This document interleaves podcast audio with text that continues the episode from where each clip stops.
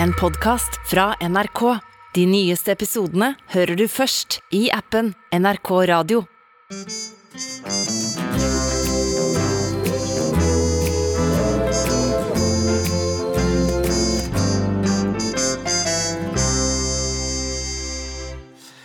Dette har vært en god høst for de som måtte være opptatt av skandaler i norsk politikk. Mange av oss hadde kanskje håpa at dette var et tilbakelagt stadium fra den førre stortingsperioden, da metoo, bedragerier med reiseoppgjør og en stortingspresidents avgang sette sitt preg på nyhetsbildet. Slik ble det altså ikke. For også denne høsten har nyhetsbildet vært prega av misbruk av pendlerbostad pendlerbosteder og en nyvalgt stortingspresident i avgang. Samtidig vet vi at nordmenn flest har stor tillit til Stortinget. Kanskje fordi vi vet at det tross alt er et fåtall av våre politikere som skaper overskrifter.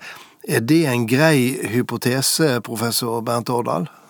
Ja, jeg syns jo det. Eh, samtidig så, så, er det nok også noe spesielt med det som har skjedd i det siste, særlig hvis vi tar både fjoråret og året da, når det gjelder Stortinget, at det begynner å bli et, et slags mønster. At man her har hatt fordeler som man har tatt som, som kanskje som selvfølgelige goder, altså som man har rettigheter til, og ikke tenkt så mye på hvordan dette vil ta seg ut sammenlignet med folk flest. Så det, det er jo på en måte likebehandling, og det er en veldig sterk norsk verdi. Eh, den har vært litt i fare. Og så er det selvsagt også at dette kan berøre Stortinget som institusjon. Og da løftes liksom den, det spørsmålet som du var inne på, dette med tilliten, opp på et høyere nivå. Ja, du sier sterk norsk verdi, men det er nok også de som vil hevde at det ligger til grunn for tilliten nemlig dette med likebehandling til en viss grad, eh, ikke for mye elitistiske goder som politikere drar med seg? Nei, det ligger nok i denne, denne, denne verdien i seg selv. Ikke sant? En del, del så er det en, en, praksis at det har vært det vi har vært vant til. Og, og noen vil jo si at vi er for si, gjerrige eller for lite sjenerøse når det gjelder en del lederstillinger. Men samtidig så er, tror jeg dette har vært en veldig viktig faktor. At, at vi skal ha likebehandling. Ikke bare like for loven, men også likhet når det gjelder økonomiske ytelser. Og Vi ser det jo f.eks. også i reaksjoner mot høye lederlønninger i staten. Så ser vi akkurat det samme. Og nå er det jo også interessant at akkurat det spørsmålet om lønnsnivået er blitt trukket inn i hele denne diskusjonen. Her i Studio 62 har vi også deg, Kim Arne Hammerstad. Eh, du var mannen som i fjor ga ut ei bok om nettopp skandaler i norsk politikk, og der kasta du et blikk på vår svært sånn nære historie. Eh, og hvis du ser litt bakover i tid, var det færre og eh, skandaler og ryddigere forhold tidligere? Altså, skandalene, det er, jo, eh, det er, jo, Vi vet jo bare om de skandalene som er framme, så vi vet jo ikke om journalistene var dårligere til å grave fram skandaler tidligere. Eller forsiktigere. Eller forsiktigere. Men den tettheten vi har nå, er jo helt eksepsjonell. Før 2018 så lå vi på et snitt på sånn 0,7-0,8 skandaler i året. Eh, I 2018 så hadde kommet, Under én, for å si det. Under én, ja. Eh, og nå har vi eh, tallrike skandaler både i, i hvert fall i 2018 og i år, da. Så det, det, tyder i hvert fall på at, eh, ja, at tettheten er i hvert fall mye større nå, da. Og for å minne lytterne på det, 2018 det var året da metoo eh, eksploderte også i stortingssammenheng, og der du også hadde flere bedragerisaker. Det stemmer. Og eh, ja, du nevnte jo stortings eh, postmottaket på Stortinget. Vi hadde også Sylvi Listhaug, eh, og så kom jo disse da avsløringene. Som, som gikk av pga. en Facebook-post. Nettopp, nettopp. Mm. Og det holdt jo nærmest på å velte hele regjeringen nå. Mm. Hva skal til for å kalle ei sak for en skandale? Det er jo et nokså omtrentlig ord. Ja, det blir jo eh, kastet rundt eh, med varierende grad av presisjon. Og, men eh, jeg opererer med en definisjon hvor du har et overtramp. Altså i denne stortingssaken så er det da at hun ikke har rapportert inn pendlerboligen, altså stortingspresidenten Eva Kristin Hansen. Så må noen kritisere det overtrampet. Uh, og der har jo da opposisjonen uh, vært uh, Og ja, de har jo vært ivrige på å kritisere det. Og så må det få en grundig mediedekning. det må ta veldig mye av oksygenet i mediedekningen. da, Og det bør gå over flere dager, og det må være i nasjonale medier. Da har du en skandale. Hvis de ser bort ifra um, metoo-sakene, så kan det jo virke som at det er mer økonomi, regelbrudd, rot som kjennetegner norske politiske skandaler, hvis du sammenligner det f.eks. med USA og Storbritannia, som har vært veldig sexfiserte. ja, det stemmer. Eh, økonomiske skandaler er de eh, desidert mest vanlige skandalene i norsk politikk. Så har du også det som man gjerne kaller for habilitetsskandaler, da. Eh, som er litt mer sånn ulent eh, Kan jo gå litt inn i korrupsjonssegmentet, da. Hvor man gjerne har eh, tette bånd eh, til noen som man gir en eh, stilling eller et verv til, da. Eh, som også er en ganske hyppig, men det er altså de økonomiske skandalene som er de desidert vanligste. Og Apropos det du nevner som korrupsjonssegmentet, eh, Bernt Årdal.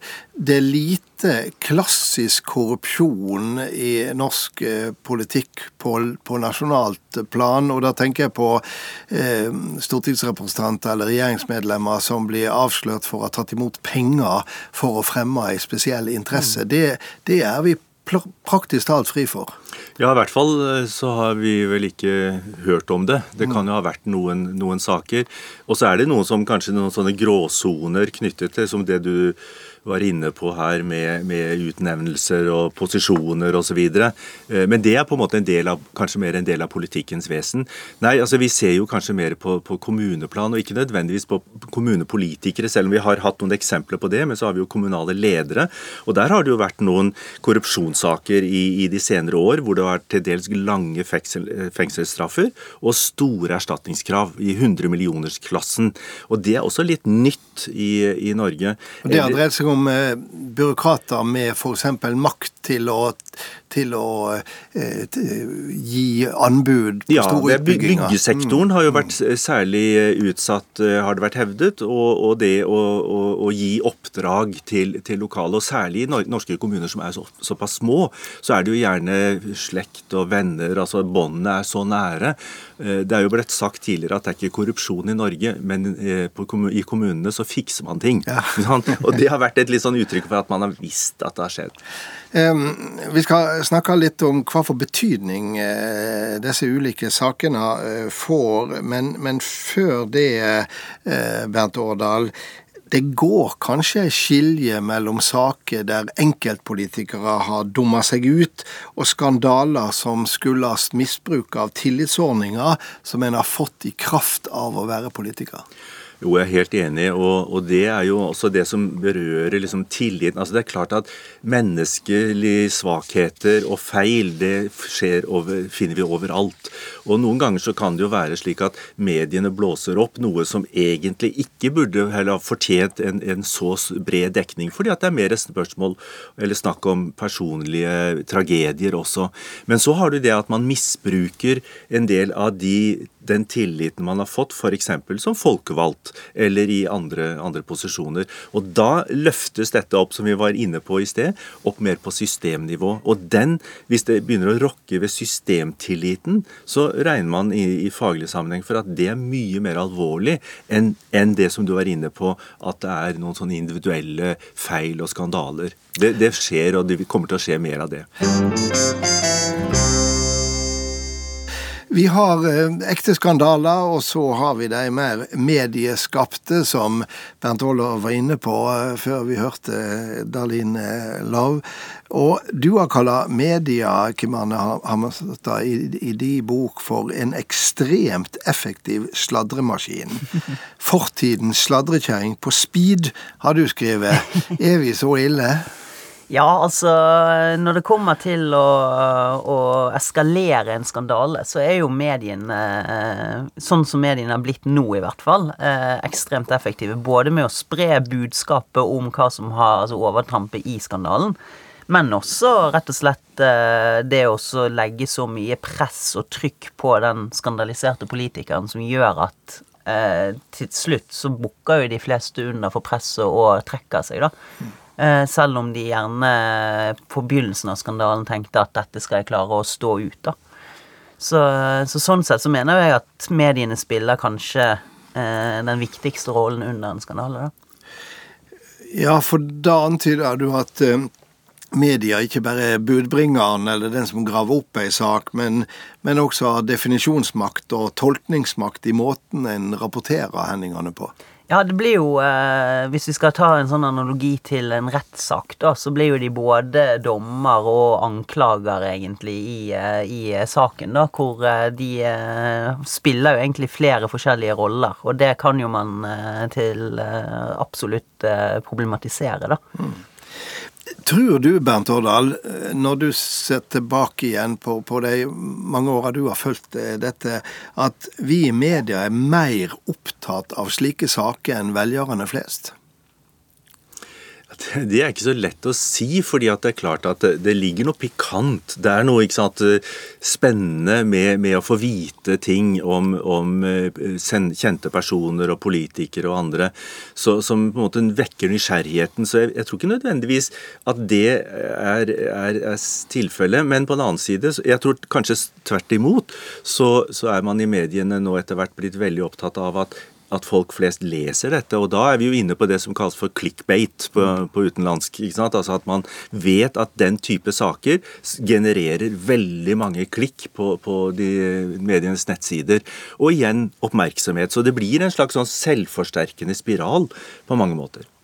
Ja, og så eh, Vi snakket jo i, før låten om, eh, om uh, tettheten av skandaler nå kontra tidligere, da. og Eh, man ser jo egentlig et litt sånn vannskille i det man får eh, tabloidavisene i Norge på slutten av 80-tallet, at de virkelig blir store, da.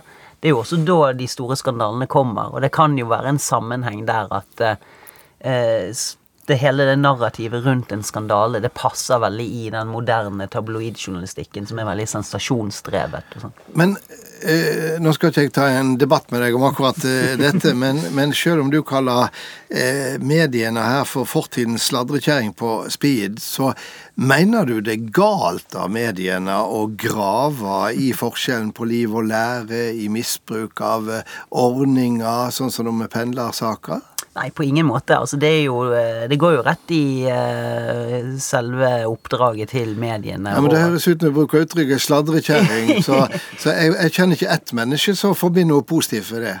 Nei, uh, men det kommer jo an på hva saker. Jeg tror de færreste vil si at uh, Adresseavisen og Aftenposten har opptrådt som sladrekjerringer i denne saken med stortingspresidenten. Men så er det nok kanskje andre skandaler hvor man har kanskje man kan diskutere om det i det hele tatt burde være en sak, da. Mm.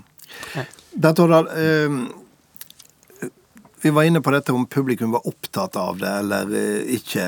Og nå er det ikke gitt at eh, det er nødvendigvis slike saker som blir mest lest, men hva veit vi om publikums eh, hukommelse? Den kan vel være ganske kort av og til? ja, man eh, har jo klart inntrykk av det, og ikke minst den politiske hukommelsen.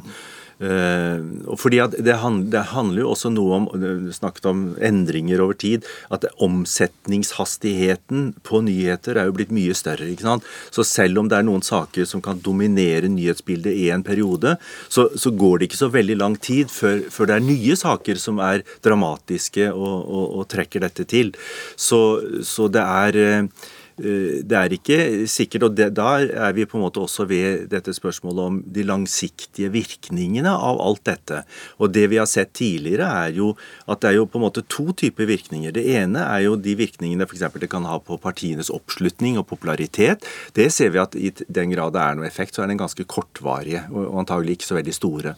Og så har du den andre siden som går på eh, tilliten til politikere og til politiske institusjoner. Og der ser vi jo, særlig når det gjelder politikere, politikere og partier at dette har variert ganske mye over tid. Mm. Så det er ikke overraskende om vi vil se undersøkelser som viser at den tilliten kanskje har gått ned nå i det siste. Men som vi var inne på i sted, det springende punktet er om dette også har hatt en negativ betydning på på, på, tilliten til Stortinget som institusjon. Generelt sett så tror jeg det at man ofte overdriver den langsiktige betydningen av dette som skjer. Ja, for selv i det store skandaleåret 2018, eh, da skandalene var tett som hagl, som vi har vært inne på, så fikk det ikke store utslag på eh, tillitsundersøkelsen når det gjelder Stortinget som institusjon. Men jeg har lyst til å spørre deg ganske, ganske raskt, Kim Hammerstad. Har du funnet eksempler eh, fra etterkrigstida på en politisk skandale rundt en politiker som har fått Eh, betydning for oppslutninga rundt partiet som hun eller han representerer? Ikke, ikke sånn direkte eh, over tid, da. Eh, det som Årdal sier, at eh, effekten på partioppslutning eh, er jo eh, ganske midlertidig. Men så er det Vi kan jo kanskje trekke fram Ropstad-skandalen nå i valgkampen, da. den kom jo veldig tett på valget. Veldig mange hadde stemt. Men det sto jo om veldig få stemmer, eller en del, eh, ikke så veldig mange stemmer, for at eh, eh KrF skulle gå over eller under sperregrensen, da. Helt til slutt, eh, Bernt Årdal. Nær sagt alle undersøkelser av slikt over flere år viser høy tillit til vårt politiske system. Tror du det står i fare? Nei, jeg tror den, si, den er så rotfestet at det skal veldig mye til. Eh, og jeg tror også kanskje når det gjelder eh, tillit til Stortinget, at det kanskje også vil være avhengig av i hvilken bilde man nå får av opprydningsprosessen. Og Der virker det som at den nye stortingspresidenten er veldig kontant og tydelig. Og det tror jeg kan bidra nettopp til å dempe ned eventuelle negative effekter. Så Norge er jo i verdenstoppen når det gjelder tilliten til det politiske systemet og synet på demokratiet, eller tilliten til demokratiet. Skulle gjerne snakke mer om betydning av opp rydding, eh, både innenfor et parti og, og eh, nå eh, som Stortinget som institusjon.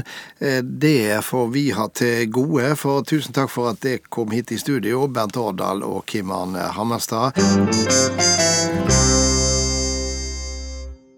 Og så runder jeg av med min faste kommentar.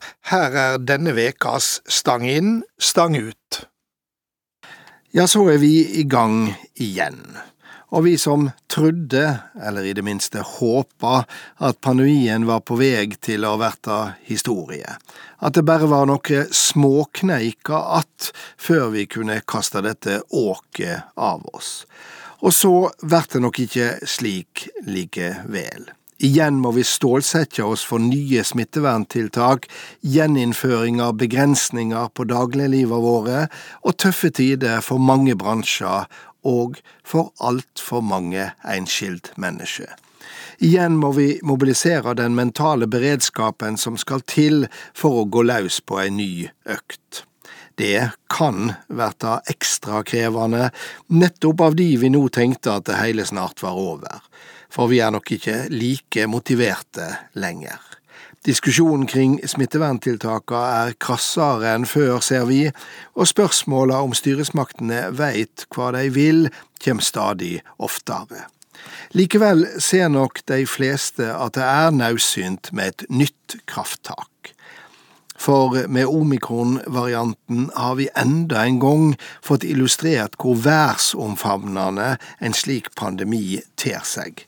Det tok bare noen dager fra den ble oppdaga i Sør-Afrika, til den ble spredd til Asia, til Sør-Amerika og til Øygarden på Vestlandet og Frogner i Oslo. Slikt eh, bør lære oss ei lekse om hvor avgjørende det er å tenke internasjonalt også i bekjempelsen av uvesenet, også når det gjelder fordeling av vaksinedoser for det ser ikke ut til at vi blir kvitt pandemitrusselen før vi har en global strategi som virker effektivt.